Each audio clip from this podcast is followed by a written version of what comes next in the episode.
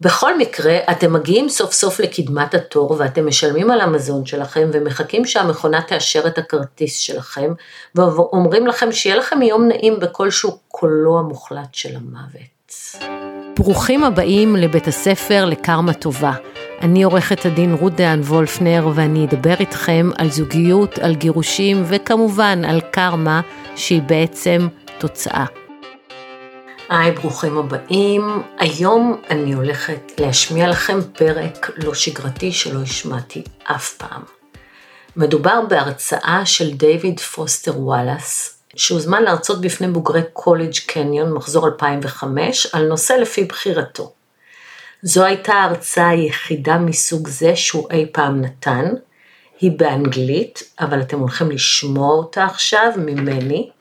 מי שהפנה את תשומת ליבי להרצאה הזאת זה הבן שלי, כשעמדנו בתחנת דלק, והייתה שם אישה שחסמה את הכל, ואני הייתי קצת חסרת סבלנות אליה, והוא אמר לי, אמא, את צריכה אה, לשמוע הרצאה, הוא שלח לי אותה ביוטיוב, וזה מאוד מאוד עניין אותי, ואז הוא הפנה את תשומת ליבי שיש גם ספר של ספריית פועלים, שפשוט כותב את ההרצאה הזאת בעברית. אז רק בשביל שנבין, דיוויד פוסטר וואלאס הוא היה סופר ומסאי אמריקאי מהחשובים והמשפיעים בדורו, הוא הלך לעולמו ב-2008, וזה היה הנאום שלו. מוכנים? שני דגים צעירים שוחים להם ביחד ופוגשים במקרה דג מבוגר יותר ששוחה לכיוון השני, מהנהן לעברם בראשו ואומר, בוקר טוב בחורים, איך המים? שני הדגים הצעירים ממשיכים לשחות כמה זמן, ואז לבסוף אחד מהם מביט באחר ואומר, מה זה לעזאזל מים? זו דרישה סטנדרטית בנאומים של טקסי חלוקת תארים בארצות הברית, שימוש בסיפורים קטנים ודידקטיים עם תכונות של משל. עניין הסיפורים הוא בסופו של דבר אחת המוסכמות היותר טובות והפחות בולשיטיות של הז'אנר.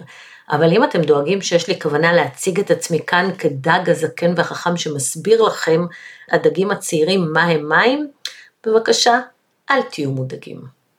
אני לא הדג הזקן והחכם. התובנה המיידית של סיפור הדגים אומרת פשוט שהמציאויות הכי מובנות מאליהן, השרויות בכל והכי חשובות, יהיו לעיתים קרובות אלה שהכי קשה לראות אותן ולדבר עליהן.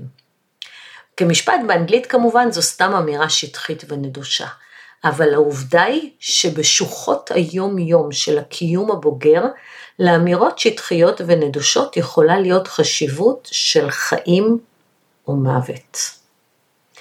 או כך לפחות הייתי רוצה להציע בבוקר נפלא ויבש זה.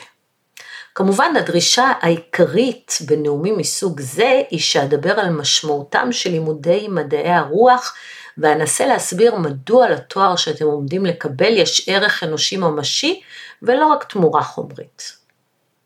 אז בואו נדבר על הקלישאה האחת הנפוצה ביותר בז'אנר נאומי טקסי חלוקת תארים, והיא שלימודי מדעי הרוח הם לא בשביל למלא אתכם בידע, אלא בשביל, ציטוט, ללמד אתכם איך לחשוב.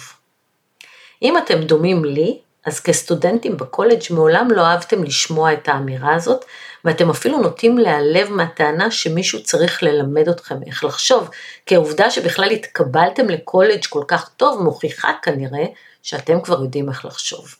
אבל אני עומד להציג בפניכם עמדה שגורסת שקלישאת מדעי הרוח היא לא מעליבה בכלל, כי החינוך לחשיבה המשמעותי באמת שאנחנו אמורים לקבל במקום כזה, לא קשור ביכולת לחשוב, אלא למעשה בבחירה על מה לחשוב. אם חופש הבחירה המוחלט שלכם בבחירת נושאי מחשבה נראה לכם מובן מאליו מכדי לבזבז עליו זמן, אני אבקש מכם לחשוב על דגים ומים ולשים בסוגריים רק לכמה דקות את ספקנותכם באשר לערכו של המובן לגמרי מאליו, כמו מים. הנה עוד סיפור קטן ודידקטי. שני בחורים יושבים יחד בבר בערבות הרחוקות של אלסקה. אחד הבחורים דתי, השני אתאיסט, והם מתווכחים על קיומו של אלוהים באותה תשוקה מיוחדת שבאה בערך אחרי ארבע בירות. האתאיסט אומר, תראה, זה לא שאין לי סיבות ממשיות לא להאמין באלוהים. זה לא שאף פעם לא התנסיתי בכל עניין האלוהים והתפילות. רק בחודש שעבר מצאתי את עצמי מחוץ למחנה בסופת שלגים נוראים ולא יכולתי לראות כלום, לא היה לי מושג איפה אני, והיה חמישים מתחת לאפס. אז עשיתי את זה, ניסיתי. קראתי על ברכיי בשלג וצעקתי, אלוהים, אם אתה קיים, אני אבוד בסופה הזאת, ואני אמות אם לא תעזור לי. ועכשיו בבר הבחור הדתי מביט באתאיסט בבלבול, נו, אם ככה אתה בטח מאמין עכשיו, הוא אומר, אחרי הכל אתה כאן בחיים. האתאיסט מגלגל את עיניו כאילו הבחור הדתי הוא טמבל אמיתי. לא, בן אדם. מה שקרה זה ששני אסקימוסים פשוט עברו לידי במקרה, והם הראו לי את הדרך בחזרה למחנה. קל להריץ את הסיפור הזה דרך ניתוח סטנדרטי של מדעי הרוח, לאותה חוויה בדיוק יכולות להיות משמעויות שונות לגמרי בשביל שני אנשים שונים. בכפוף לתבניות האמונה השונות של האנשים האלה והדרכים השונות שבהם הם בונים משמעות מתוך חוויה, פשוט לא. מכיוון שאנחנו מעריכים סובלנות ומגוון אמונות, בשום מקום בניתוח מדעי הרוח שלנו לא נטען שהפרשנות של אחד הבחורים היא אמת, ושזו של האחר היא שגויה או רעה.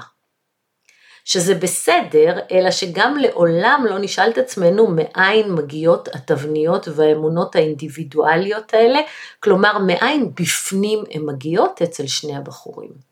כאילו שנטייתו הבסיסית ביותר של אדם כלפי העולם וכלפי משמעות החוויה שלו, היא איכשהו מובנית באופן אוטומטי כמו גובה או מידת נעליים, או שהיא נקלטת מתוך התרבות כמו שפה. כאילו שהדרך שבה אנחנו בונים משמעות היא לא למעשה בחירה אישית מכוונת מתוך החלטה מודעת. בנוסף קיים עניין היהירות. הבחור הלא דתי בטוח באופן כל כך מוחלט ושחצני בביטולה של האפשרות שלהופעת האסקימוסים היה איזשהו קשר לתפילתו. נכון, יש גם לא מעט אנשים דתיים שמחזיקים ביהירות בפרשנויות שלהם. הם כנראה אפילו יותר דוחים מהאתאיסטים, לפחות בעיני רובנו כאן, אבל העובדה היא שבעיית הדוגמטיקנים הדתיים זהה לחלוטין לבעייתו של האיתאיסט בסיפור. יהירות, ביטחון עיוור וצרות מוחין שהיא כמו מאסר מושלם כל כך, עד שהאסיר אפילו לא יודע שהוא כלוא. הנקודה כאן היא שלדעתי זה רק חלק שהמנטרה של מדעי הרוח ללמד אותי איך לחשוב באמת אומרת. להיות קצת פחות יאיר, לרכוש מעט מודעות ביקורתית לגבי עצמי ולגבי הוודאויות שלי. כי מתוך הדברים שאני נוטה להיות בטוח בהם באופן אוטומטי, אחוז גבוה מאוד מסתבר הוא מוטעה לחלוטין ומוליך שולל. למדתי את זה בדרך הקשה ואני צופה שכך יקרה גם לכם. הנה דוגמה אחת לתפיס, לתפיסה השגויה לחלוטין של דבר מה שיש לי נטייה להיות בטוח בו באופן אוטומטי. כל דבר בחוויה המיידית הפרטית שלי תומך באמונתי העמוקה שאני מרכזו המוחלט של היקום, שאני האדם האמיתי ביותר, החי ביותר והחשוב ביותר שקיים. לעתים רחוקות אנחנו חושבים על המרוכזות העצמית הבסיסית והטבעית הזאת כי היא כל כך דוחה מבחינה חברתית, אבל כך זה פחות או יותר אצל כולנו עמוק בפנים. הכוונון הזה הוא ברירת המחדל שלנו, הוא מובנה בכרטיס הזיכרון שלנו מלידה. תחשבו על זה, אין חוויה שחוויתם שלא הייתם במרכזה המוחלט. העולם כפי שאתם חווים אותו נמצא שם לפניכם או מאחוריכם, משמאלכם או מימינכם, על מסך הטלוויזיה שלכם או במחשב או איפה שלא יהיה. מחשבות ורגשות של אנשים אחרים מועברים אליכם איכשהו בתקשורת, אבל המחשבות והרגשות שלכם כל כך מיידיים, דחופים, אמיתיים. אתם מבינים את הרעיון, נכון? אל תדאגו בבקשה, אני לא מתכוון להטיף לכם על חמלה או על להיות קשוב לאחר או על כל מה שנקרא מידות טובות. זה לא קשור למידה טובה, זה קשור לבחירה שלי לעשות את המאמץ ואיכשהו לשנות או להשתחרר מברירת המחדל המובנית שלי שהיא להיות מרוכז בעצמי באופן עמוק, פשוטו כמשמעו, ולראות ולפרש הכל דרך חדשת האני. אנשים שמצליחים לאזן את ברירת המחדל הטבעית שלהם באופן כזה, מתוארים לעיתים קרובות כציטוט, מאוזנים.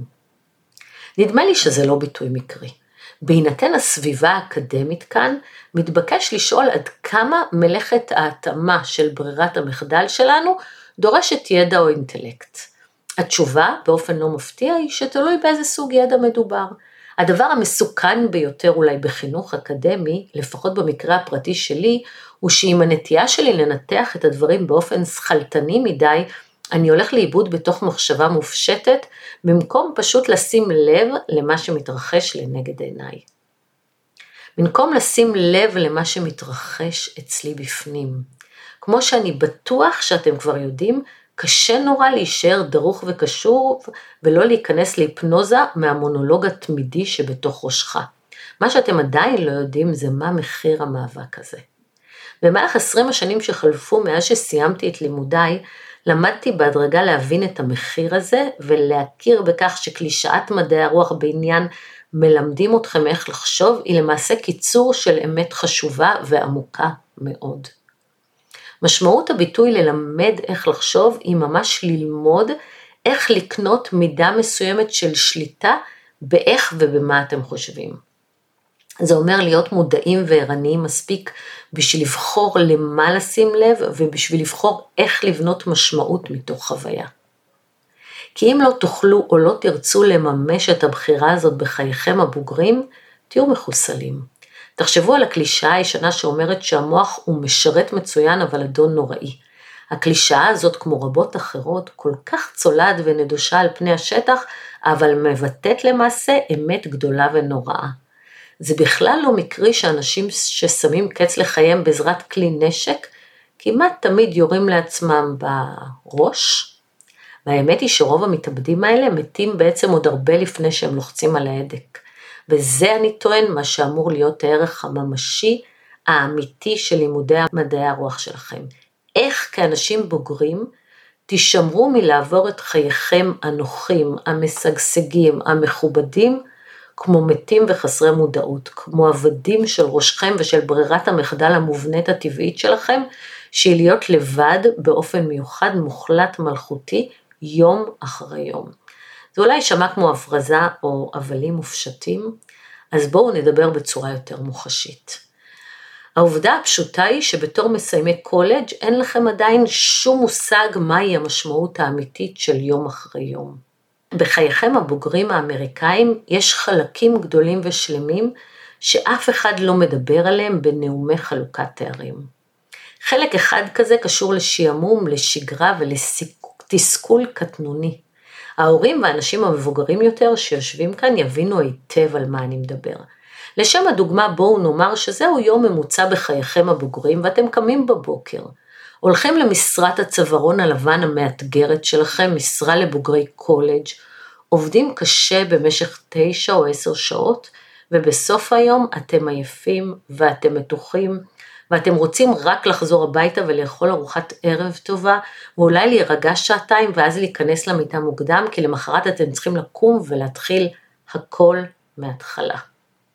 אבל אז אתם נזכרים שאין אוכל בבית, לא היה לכם זמן לעשות קניות השבוע בגלל העבודה המאתגרת שלכם, אז עכשיו, אחרי העבודה, אתם צריכים להיכנס למכונית ולנסוע לסופרמרקט. זה סוף יום העבודה ויש פקקים, כך שלהגיע לחנות לוקח הרבה יותר זמן ממה שזה אמור לקחת. וכשאתם מגיעים לשם לבסוף, הסופרמרקט מלא אנשים, כי זו כמובן השעה שבה כל שאר האנשים שיש להם משרות, מנסים גם הם לדחוס קצת קניות בסופר. והחנות מוארת בפלורסנטים מבחילים, ולאוויר מופחת מוזיקת רקע חסרת נשמה או פופ תאגידי, וזה פחות או יותר המקום האחרון שאתם רוצים להיות בו, אבל אתם לא יכולים להיכנס פשוט ולצאת במהירות. אתם חייבים לעבור לכל אורך המעברים הצפופים של החנות הענקית, המוארת מדי, כדי למצוא את הדברים שאתם רוצים. ואתם צריכים לתמרן את העגלה הזבלית שלכם בין כל שאר האנשים העייפים והממהרים עם העגלות וכמובן ישנם הזקנים האיטיים כמו קרחון והמרחפים, וילדי ה-ADHD שחוסמים את המעבר ואתם חייבים לחרוק שיניים ולנסות להיות מנומסים כשאתם מבקשים מהם שייתנו לכם לעבור, ובסופו של דבר, אחרי כל זה אתם מוצאים את כל אספקת הסופר שלכם, אלא שעכשיו מתברר שאין מספיק קופות פתוחות, על אף שזה הלחץ של סוף היום והתור בקופה ארוך להחריד. שזה טיפשי ומכעיס, אבל אתם לא יכולים להוציא את העצבים שלכם על האישה המוטרפת ליד הקופה, שעובדת שעות רבות מדי בעבודה שחוסר המשמעות והחד גוניות היומיומית שבה עולים על, כל, על דמיונו של כל אחד מאיתנו כאן בקולג' היוקרתי. בכל מקרה, אתם מגיעים סוף סוף לקדמת התור ואתם משלמים על המזון שלכם ומחכים שהמכונה תאשר את הכרטיס שלכם ואומרים לכם שיהיה לכם יום נעים בכלשהו קולו המוחלט של המוות. ואז אתם צריכים לקחת את שקיות הפלסטיק הדקיקות והמגעילות עם מוצרי המזון בעגלה שלכם שיש לה גלגל אחד משוגע שמושך שמאלה באופן שמטריף את הדעת ומסיעים אותה כל הדרך החוצה דרך מגרש החניה העמוס, הגבשושי, המלוכלך, ומנסים להעמיס את השקיות למכונית באופן כזה ששום דבר לא ייפול החוצה ויתגלגל לו בתוך תא המטען בדרך הביתה.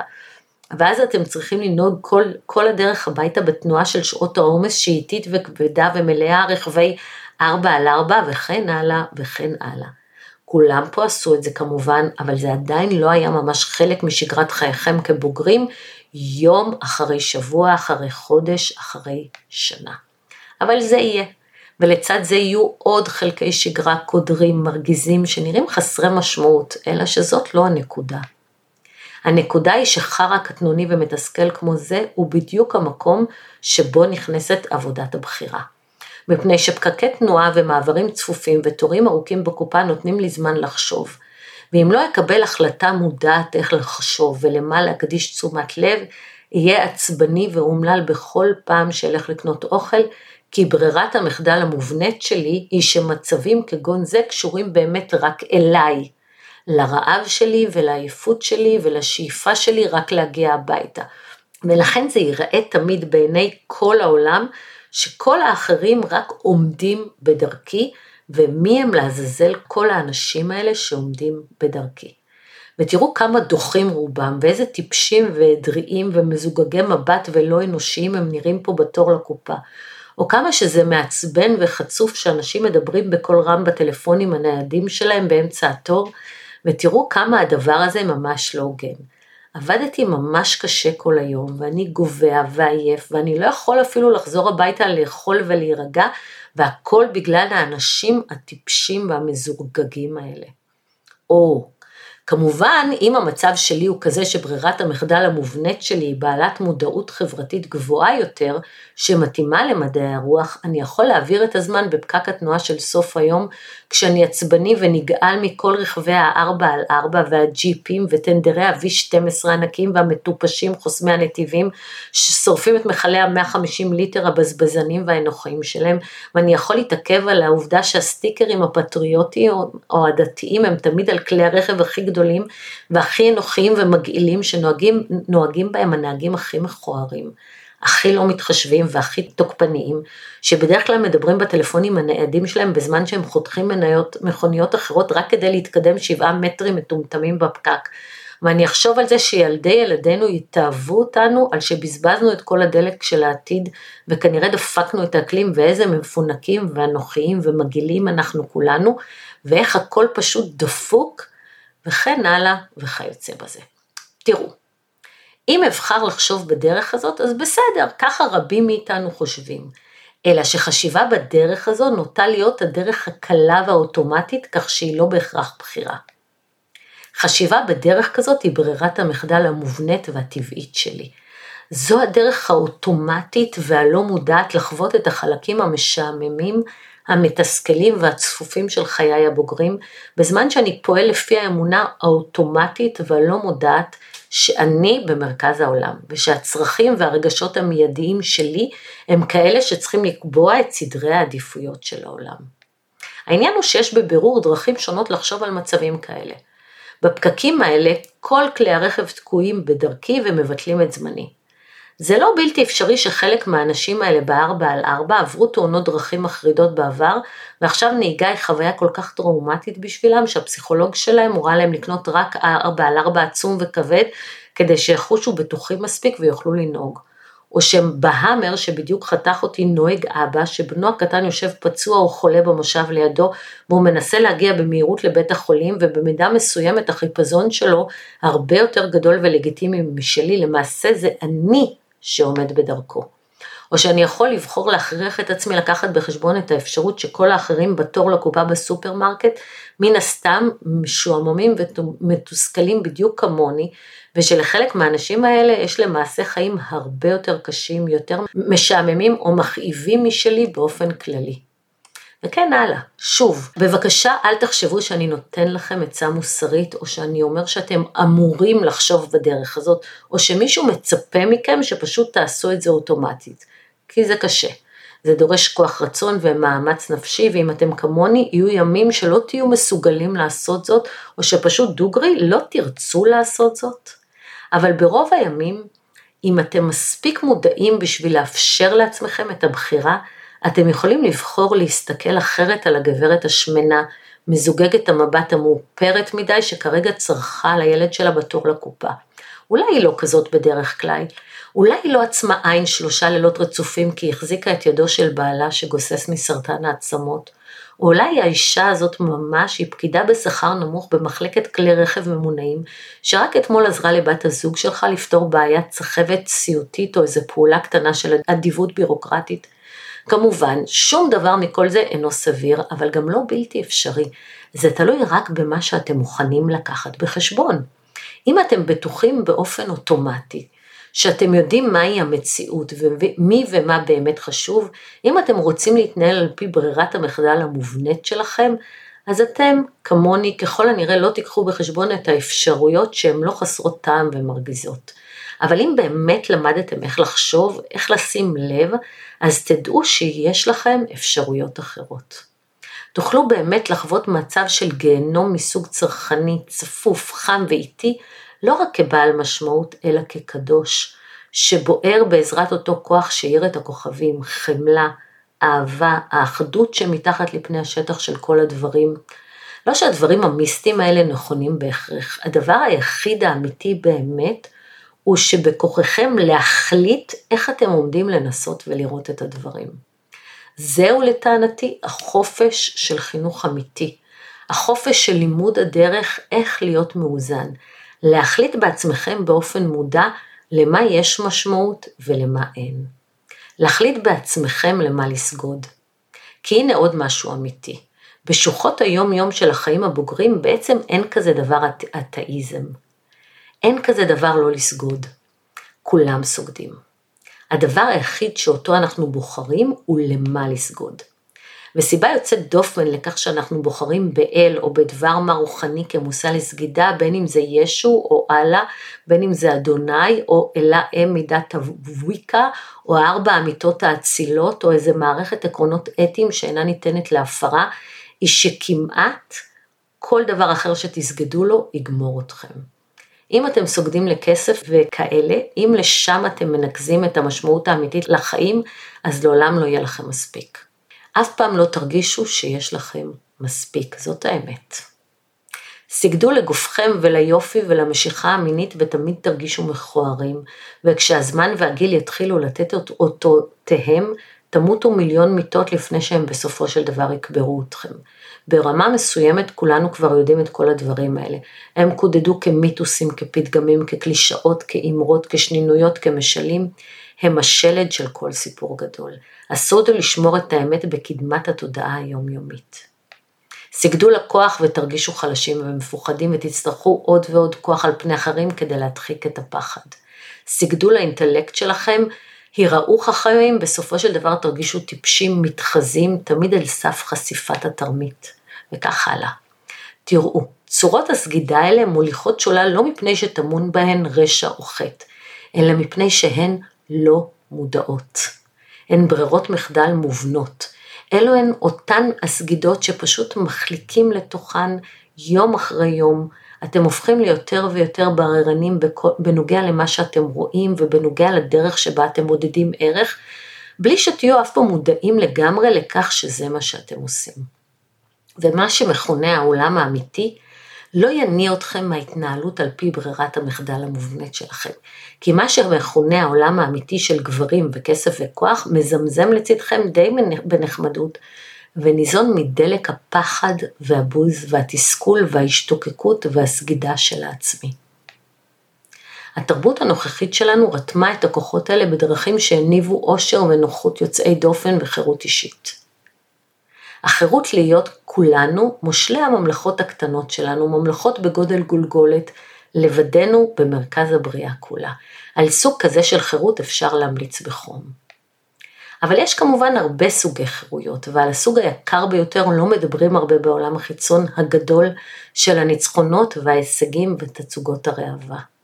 סוג החירות החשוב באמת קשור בתשומת לב ובמודעות ובמשמעת ובמאמץ וביכולת לדאוג באמת לאנשים אחרים ולהקריב עבורם שוב ושוב בדרכים אין ספור קטנות ולא סקסיות כל יום. זו חירות אמיתית. זו המשמעות של ללמוד איך לחשוב. האלטרנטיבה היא חוסר מודעות. ברירת המחדל המובנית מרוץ העכברים, התחושה הקבועה המכרסמת שהיה לנו משהו אינסופי ושאיבדנו אותו. אני יודע שהדברים האלה בטח לא נשמעים כיפים ועליזים או מעוררי השראה להפליא כמו שהדברים המרכזיים בנאומי חלוקת תארים אמורים להישמע. אבל הדברים האלה, עד כמה שאני יכול לראות, הם האמת. מקולפת מהמון בולשיט רטורי. ברור, אתם יכולים לחשוב על זה מה שתרצו. אבל בבקשה אל תפתרו את זה בתור הטפה באצבע נוזפת. דבר מכל זה לא עוסק במוסר או בדת או בדוגמה או בשאלות גדולות וחגיגיות על החיים אחרי המוות. האמת בה"א הידיעה עוסקת בחיים לפני המוות. היא עוסקת בלהגיע לגיל 30, אולי אפילו 50, בלי לרצות לראות לעצמך בראש. היא עוסקת בערך האמיתי של חינוך אמיתי שאין לו דבר עם ציונים או תארים, והוא קשור כל כולו במודעות פשוטה. מודעות לדברים שהם כל כך אמיתיים ומהותיים, כל כך חבויים למבט רגיל לסביבותינו, שאנחנו צריכים להמשיך ולהזכיר לעצמנו שוב ושוב, אלו הם מים. האסקימוסים האלה הם אולי יותר ממה שהם נראים. בלתי אפשרי להעלות על הדעת כמה קשה לעשות זאת, לחיות במודעות בבגרות יום אחרי יום. וזה אומר שהנה, יש עוד קלישאה נכונה. החינוך שלכם הוא באמת משרה לכל החיים, והמשרה הזאת מתחילה עכשיו. אני מאחל לכם הרבה יותר מהצלחה. זהו להיום, מקווה שהפקתם ערך מהפרק הכל כך חזק הזה. אני מציעה לכם להקשיב לו יותר מפעם אחת ולהעביר אותו למי שאתם חושבים שיפיק ממנו ערך, ובעיקר לילדים שלכם. תודה.